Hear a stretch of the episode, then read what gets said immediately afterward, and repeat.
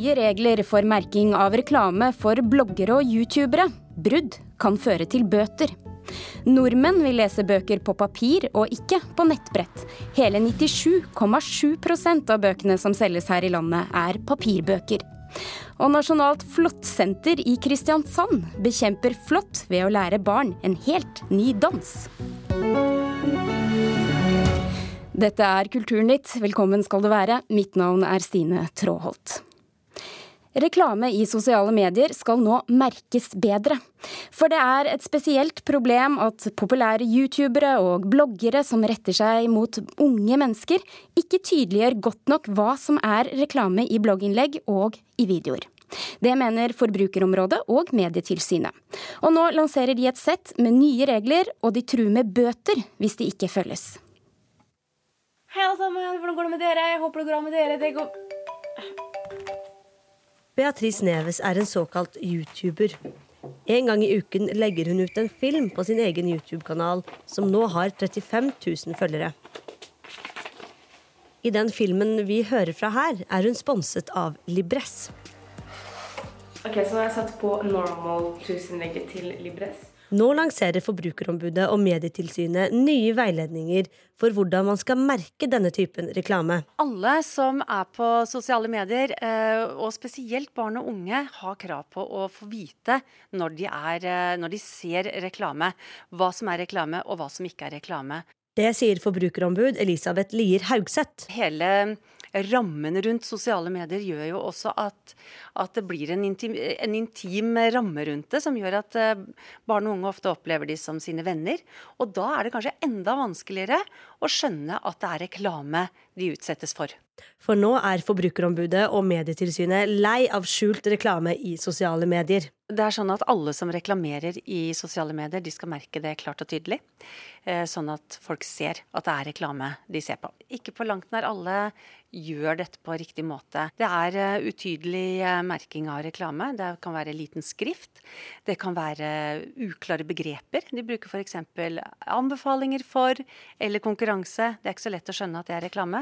Uh, de glemmer å merke når de lenker videre til andre, til andre sosiale medier også. Ok, så Som dere så i dokumentasjonen av Libres testeproduktene, så Beatrice Neves får ofte tilbud om sponsing fra forskjellige produkter. Hun ønsker seg klare regler for hvordan dette skal merkes. Jeg har jo av og til noen samarbeid da, med noen merker. Altså, Jeg har alltid vært opptatt av å faktisk følge disse reglene. Fordi jeg skal være helt ærlig, jeg er skikkelig redd med at noe kan skje. Så jeg vil på en måte ikke stride med loven, eller disse reglene. da. Fordi det er veldig viktig å faktisk markere det. Og f.eks. for eksempel jeg, da, jeg har veldig unge seere. Og det er ikke alltid de skjønner at det er sponset. Og da må jeg si det, ikke bare skrive det. ikke sant? Forbrukerombudet og Medietilsynet kommer til å følge opp eh, overfor eh, for aktørene på sosiale medier at de faktisk eh, følger loven eh, med, med, kontroller. Eh, og da er det slik at hvis, eh, hvis de ikke følger det, så kan, vi, så kan, det medføre økonomiske sanksjoner. Altså Jeg syns det er bra, fordi vi må faktisk skjønne alvoret, al nei, alvoret med det. Da ses vi neste video, folkens. Ha det bra!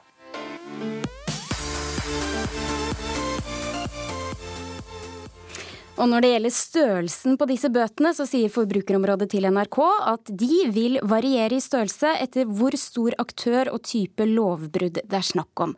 Men de understreker at det uansett ikke skal lønne seg å bryte loven. Reporter her, Mari Sand Malm. Velkommen til Kulturnytt, professor ved Institutt for markedsføring ved BI, Bendik Samuelsen. Takk for det. Hvor stort problem er dette med dårlig merking?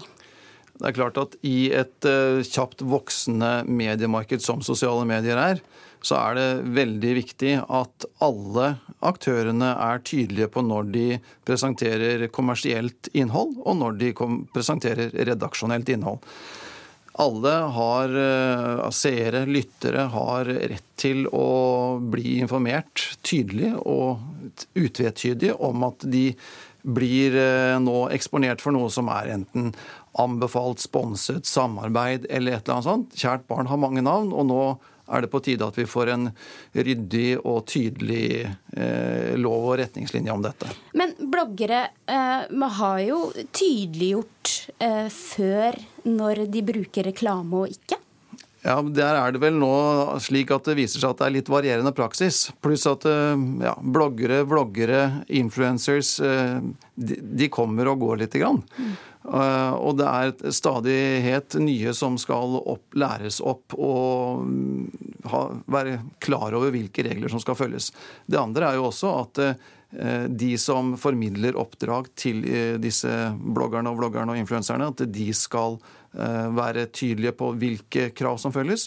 Og eh, til sist også annonsørene i seg selv er tjent med at deres merker eh, har en troverdig type merking igjen da, i disse kanalene. Man har kanskje ikke noe tall på hvor mange som ikke følger eh, slike regler, men at det er mange som ikke gjør det, det, det kan man slå fast. Da. Kanskje derfor Forbrukerområdet nå går til dette skrittet. For meg kan det også virke som det kommer litt seint. Ja, altså jeg kjenner vel til at eh, Forbrukerrådet har eh, vært involvert og engasjert i denne saken i mange år. Eh, og har tidligere, tidligere også gitt veiledninger og ønsker. og og det gjøres også internasjonalt i forhold til hvordan denne type eh, omtaler skal merkes. Men så er det nå engang slik da, at dette vokser, altså volumet vokser så raskt. Det er så mye at man blir, litt, eh, man blir litt nesten tatt på senga av hvor stort dette markedet i sosial, såkalte sosiale medier er for reklame. Altså ja, du har tall på det? Ja, altså Siste mediebarometeret fra mediebyråene eh, viser at eh, hittil i år så har man omsatt for 100 og, eller hittil i april da, eh, omsatt for 182 millioner eh, i så, såkalte sosiale medier. Og Det er da den undergruppen av internett som de kaller sosiale medier. Eh, til sammenligning så er all reklame i dagspresset på to, drøye 200 millioner. Mm. Så dette er veldig stort. Det er uoversiktlig, det er mange aktører. Eh, og, og derfor er det også nødvendig å ha tydelige regler på det. Er disse nye reglene så nå greie å forholde seg til at eh, det blir enkelt å skille? Nei, Jeg tror ikke det er så enkelt som det kanskje kan høres ut som. fordi at det, eh, Til syvende og sist så koker dette ned til at denne influenseren er nødt til å være trygg på seg selv når kommer jeg med et redaksjonelt budskap. Altså når er jeg en journalist?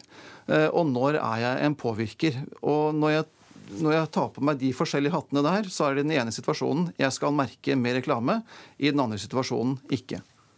Tusen takk, professor ved Institutt for markedsføring ved BI, Bendik Samuelsen.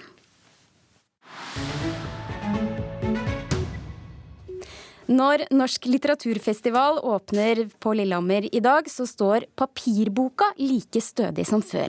Folk vil rett og slett ha litteraturen på papir, og ikke på nettbrett. Nye tall fra Forfatterforeningen viser at hele 97,7% av skjønnlitteraturen og sakprosaen som selges her i landet, selges som fysiske papirbøker. Og på Lillehammer der kan publikum de neste dagene møte over 300 forfattere og artister til samtaler om litteratur og også i festivalbyen så foretrekker de papirbøker. Eh, jeg leser bare papirbøker, jeg. Ja. Nei, jeg vil ha papirbøker. Mm. Hvorfor det? Nei, jeg syns det er det der med å holde en bok i hånda og lese. Nei. Det er liksom leseopplevelsen for meg, da. Klar tale for folk i bokhandel i festivalbyen Lillehammer. Og også hun som står bak disken, merker at folk fremdeles foretrekker papirboka. Det er stor interesse for papirbøker. Det, vi er et lesende folk, så det går masse bøker. Det er kanskje vi merker mest at det går mest pocket, ikke så mye innbundet.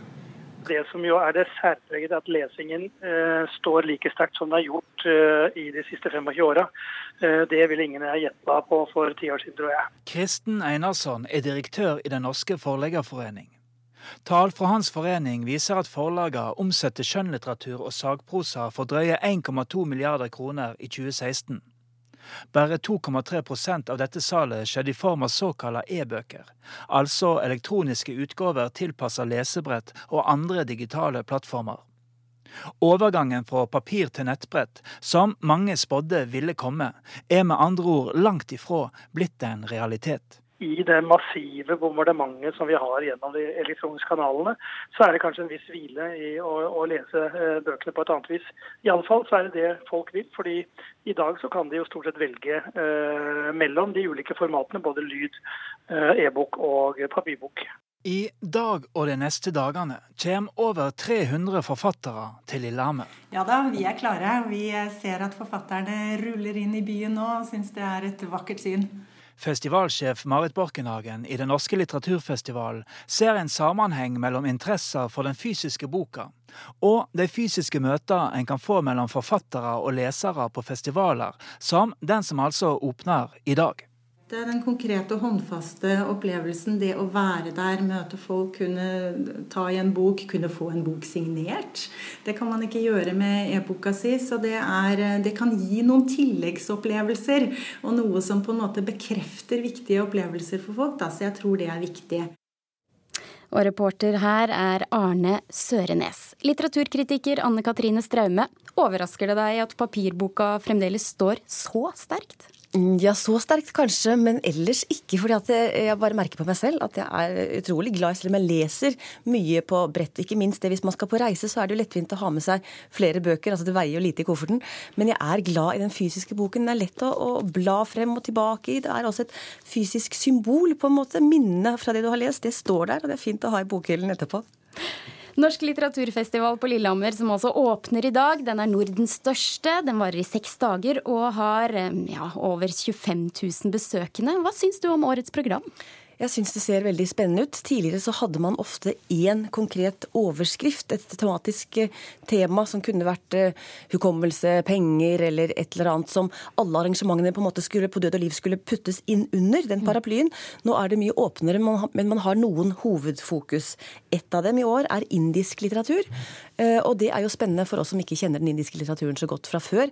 India er jo et land med utrolig store forskjeller, både religiøse forskjeller, rike, fattige folkegrupper hvor litteraturen kan bidra til mer forståelse, for eksempel, og mindre diskriminering mellom disse gruppene. Eh, jeg gleder meg til å møte den pakistanske forfatteren Camilla Shamsi, som skriver eh, Hun bor nå i England, men skriver eh, bredt anlagte internasjonale bøker. Hun skal holde den såkalte Bjørnson-forelesningen på torsdag. Og så har jo Pegasus-programmet, dette programmet for barn og ungdom, tiårsjubileum i år. På Lillehammer har de vært veldig flinke til å også inkludere skoleklasser som får møte forfattere. Og i år så kommer Meg Råsoff, som fikk all Almaprisen, den store Astrid Lindgren-prisen i fjor. Og um, Arnar Maur Arngrimsson, som jo vant Nordisk rådspris for barne- og ungdomsbøker. Eh, så det er veldig mye for enhver smak, vil jeg si. Og en annen forfatter som eh, gjester litteraturfestivalen i år, han heter Ngugi Wationgo, en kenyansk forfatter. Regnes som en av de største nålevende afrikanske forfatterne, og er også en kandidat som stadig nevnes til nobelprisen i litteratur. Hvorfor det? Han skriver gode bøker. Eh, han nærmer seg nå 80 år. Han kommer fra Kenya. Eh, har skrevet mye nettopp om afrikansk og kenyansk spesielt identitet, og hvordan eh, afrikanerne skal frigjøre seg fra kolonimakten. Eh, det britiske styret som kenyanerne jo hadde i så mange år. Eh, de fikk på en måte et skriftspråk gjennom det engelske språket, gjennom bibelfortellinger, historier, men samtidig så er det noe med å ta vare på den tradisjonen som, som finnes der fra før. Og han skriver da Det blir ikke det blir ikke sånn stereotype fortellinger om rett eller galt, sort eller hvitt. Det blir nyansert nyansert, og han tar opp tvil, eh, håp, eh, kjærlighet er også til stede i bøkene hans. Og selv om de har en, en eh, stor psykologisk innsikt, så har de også mye underholdende ved seg. Du har lest boken som heter 'Elven skiller', og den anmeldelsen ligger nå på nrk.no. Det er en roman som kom ut for 50 år siden, og så mener du fremdeles at den er viktig. På hvilken måte? Jo, jeg tenker nettopp det at han eh, skriver om denne eh, kampen på en måte mellom eh, gammelt nytt, mellom tradisjon og kultur, som da møter noe nytt her. I denne boken så handler det om en fyr, Wayaki, som blir en slags tragisk helt, som prøver å mane til forsoning mellom de gruppene. Kikuyu-folket er splittet mellom de som tar til seg de hvite misjonærenes kunnskap og også nye tro, mens de andre som vil holde på sine egne skikker, som f.eks. omskjæring, som de hvite ser på som synd og, og skam. Sånn at han, han, skriver om noe som er aktuelt for oss i dag også, når man tenker på de store folkeforflytningene vi har, og hvordan kultur, ulike kulturer møter hverandre, og hvordan man kan ta opp i seg noe nytt, samtidig som man ikke kaster det gamle på båten. Og en roman dette, også en god roman? Det er en veldig veldig fin roman. Han skriver eh, godt om følelser. Han skriver ganske rått og krast om politikk. Og han skriver også poetisk når han beskriver landskaper og naturen i, i Kenya. Vi skal høre mer om eh, litteraturfestivalen på Lillehammer etter hvert utover uka. Tusen takk for at du nå kom med i studio, litteraturkritiker Anne Katrine Strømme.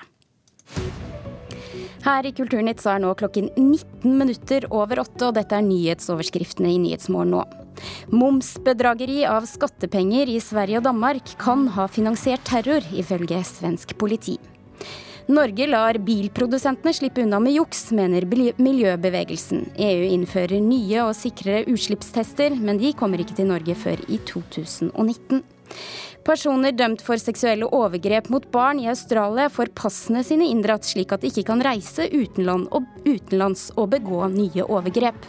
Justisministeren sier at lovendringene er den sterkeste innsatsen mot overgrepsturisme noensinne. Folk med høy utdanning bruker kulturtilbudene i betydelig større grad enn personer med lav utdanning. Dette inntrykket bekreftes i Norsk kulturbarometer, som nå legges frem klokken halv ni i Oslo. Med Kulturbarometeret har Statistisk sentralbyrå helt siden 1991 målt hvordan vi bruker ulike kulturtilbud tilbud. Og Undersøkelsen legges frem hvert fjerde år, og nede hos eh, Statistisk sentralbyrå så befinner du deg, reporter Knut Erik Solhaug. Gjelder dette med høy og lav utdanning av alle kulturtilbud, eller er det noen som skiller seg ut, eh, Knut Erik? Det er et spørsmål jeg for så vidt kan sende rett over til seniorrådgiver i SSB, Odd Frank Våge.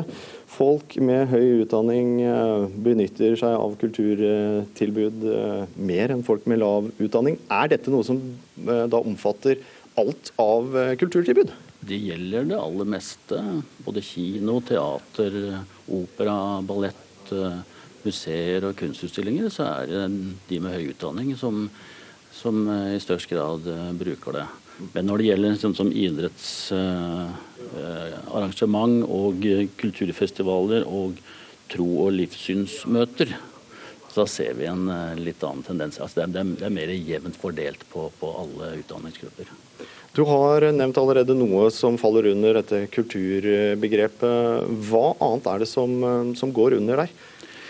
Jeg tok med det meste nå, men det er museer, folkebibliotek eh, i, i tillegg, da, konserter. Så det er, det er, det som folk besøker utenfor hjemmet sitt når de skal oppleve kultur. Altså det de ikke ser på TV. Dere har altså sett på nordmenns bruk av kulturtilbud og hvordan det har endra seg på 25 år. Generelt, hva er de største endringene på 25 år? Vi ser at det er en større andel av befolkningen som går på kino. Men samtidig så går vi færre ganger på kino, så det er en sånn eh, motstrid i, i bruken av, eh, av, kino. Men ellers så er det flere som går på konserter. Det det er um, litt flere som går på museer og teater, men disse forskjellene er ikke så store. Så det har gått litt opp og ned fra, fra undersøkelse til undersøkelse. Vi har undersøkelse nå hvert fjerde år, så det er ikke noen helt klar tendens til at noe går opp og noe går ned. Men altså det som tydeligvis går litt ned, det er um, besøk på kunstutstillinger. Der ser vi en liten nedgang, og også når det gjelder uh, folkebibliotek sa altså seniorrådgiver i SSB Odd Frank Våge. Og her på SSBs kontorer i Oslo så gjør man seg altså klar til frokostseminar, hvor dette kulturbarometeret skal legges frem. Takk for den oppdateringen, reporter Knut Erik Solhaug. Stradivariusen, den sjeldne fiolin verdt flere titalls millioner av kroner, laget av den berømte fiolimakeren Antonio Stradivari på 1700- og 1600- og 1700-tallet, er overvurdert. For selv eksperter klarer ikke å høre forskjell på Stradivariuser og nye instrumenter, viser ny studie. Vi er inne i en gullalder for instrumentmakere, mener musikkprofessor. Dette er lyden av en 300 år gammel Stradivarius-fiolin. Fiolinene som ble bygga i Cremona i Italia sent på 1600- og tidlig på 1700-tallet, blir regna som gullstandarden for hvordan en fiolin skal låte. Hører du hvor varm den er? Altså sånn, den, den gir deg så mye gratis, da. Første konsertmester i operaorkesteret, Katarina Chen, er en av de heldige som får spille på en ekte Stradivarius. Stradivariusen er jo perfekt å spille som solist, da. For den, den har en så briljant klang, og den bare Den er så lys. Men er gammelt nødvendigvis best?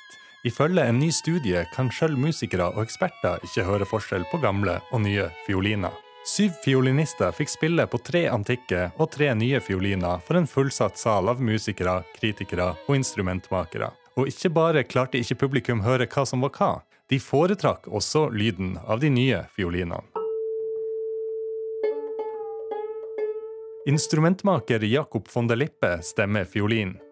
Han har utdannelsen sin fra Cremona, der Stradivari hadde sitt virke, men mener sjøl de gamle mestrene er noe overvurdert. Du kan sammenligne det litt med kunstverdenen. Da. Det finnes mennesker i dag som er villige til å betale masse penger for en uh, ekte uh, Munch. Og du har også folk som er i stand til å reprodusere, en Munch like bra.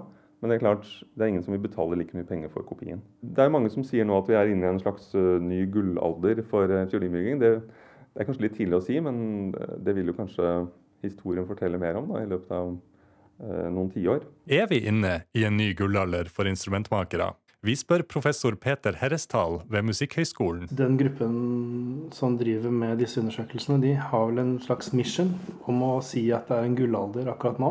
Og det stemmer, syns i hvert fall jeg. Vi har akkurat kjøpt masse nye instrumenter for Musikkhøgskolen, og da ser vi jo nettopp det at det er helt fantastisk kvalitet. Eh, elevene får enormt opptur av å låne disse instrumentene. Og på mange måter så matcher de de gamle. Det er kraftige, de er nyansert til en viss grad. Og vi ser også når de har vært spilt noen år, at det preges veldig av dem som spiller på dem. For Katarina Chen er det fortsatt en trygghet i å spille på et ekte klenodium. Du bare merker at den fiolinen har levd mange århundre. Den sitter på Den har en så gammel sjel. Og den har så mange gode historier å ville fortelle deg. Og det kan jo ikke et nytt instrument gjøre. Sa Katarina Chen til reporter Gaute Sakariassen.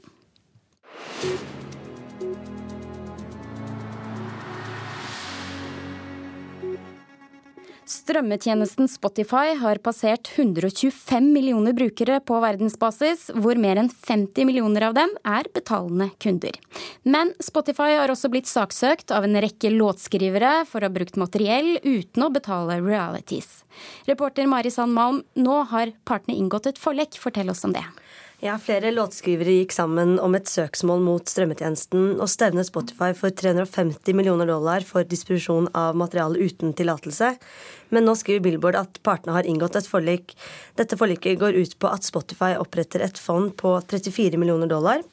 Pengene i dette fondet skal brukes til å kompensere for noe av det materialet Spotify ikke har betalt royalties for. Og så gjør Spotify seg klare for å gå på børs, og de inngikk nylig en avtale med Universal Music. Ja, Denne avtalen innebærer at ny musikk først blir tilgjengelig for betalende brukere, mens de som benytter seg av den reklamefinansierte versjonen, må vente to uker før de får tilgang til det samme.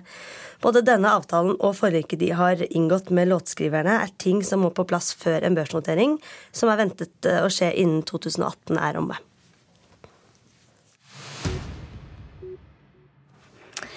Én av tre som blir syke etter flåttbitt, er barn. Og nå satser Nasjonalt flåttsenter i Kristiansand på at en ny dans skal forebygge flåttsykdommer blant barn og unge. Sånn at hvis alle finner en plass på gulvet, og så kan jeg få noen merker Elevene på femte trinn på Hellemyr skole i Kristiansand gjør seg klare til å lære om flått. Så følger vi bare med på hva Ronny. Eh, og det gjør de gjennom en helt ny flåttdans, lagd av danseren Ronny Slimjin Hansen på oppdrag fra Flåttsenteret ved Sørlandet sykehus. Fem, seks, syv, Vi har dansa en flåttdans, og det er veldig gøy. Og så er den veldig fin fordi den er ganske enkel å lære hvis man bare danser den mange nok ganger, da. Ja, Føler du at du lærer noe om flåtten gjennom den dansen? Ja jeg, føler, ja, jeg føler egentlig det. Jeg føler at eh, når jeg danser den, så lærer jeg på en måte litt hvordan man tar vekk flåtten, og at eh, man må være oppmerksom på det. Flåttdansen er en del av en pakke med e-læringskurs, quiz og Kahoot som Flåttsenteret har fått lagd for å forebygge sykdom etter flåttbitt hos barn og unge. Vi tror det er viktig å nå barn og unge med god kunnskap om hvordan man skal beskytte seg mot å få sykdommer som flåtten eventuelt kan føre med seg sier nevrolog og leder for Flåttsenteret Randi Eikeland. Og så er vi opptatt av at ungene må være ute og leke og bruke naturen, men bare vite hvordan de skal fjerne flåtten f.eks. hvis de skulle få på seg. Rundt én av tre som blir syke etter flåttbitt, er barn. Eikeland har stor tro på at flåttdansen kan være forebyggende. Bevegelsene i dansen viser hva du skal gjøre om du får en flått. Vi må få av flåtten! Så tar vi flåtten, drar den av putter den på bakken. Så hopper vi på den, og så vrikker vi skikkelig. Dans er jo gøy, og i dansen er hovedelementene bygga inn på hvordan man skal oppføre seg hvis man finner flått i naturen. Dansen, quizen og Kahooten er en del av en større pakke med flåttmateriell tilpassa undervisning av barn på mellomtrinnet. Altså Det skaper jo blest, og, og, alle er motiverte og alle er engasjerte. Sier kontaktlærer Anne Katrine Eikom på Hellemyr skole. Det å ha vært med på dette lager jo eh, nysgjerrige barn som eh, blir på en måte obs på dette som Flåttsenteret ønsker å, å, formidle, da, tenker jeg. Det er jo å informere om at flått ikke er farlig, men finn flåtten fort. ikke sant? Få den vekk hvis du blir bitt eller han fester seg på det. Reporter Miriam Grov. I Kulturnytt i dag så har du hørt at det har kommet nye regler for merking av reklame for bloggere og youtubere. Brudd kan føre til bøter. Vi er tilbake i morgen. Nå fortsetter Nyhetsmorgen. Produsent i dag Gjermund Jappé og teknisk ansvarlig Hans Ole Hummelvold. Hør flere podkaster på nrk.no podkast.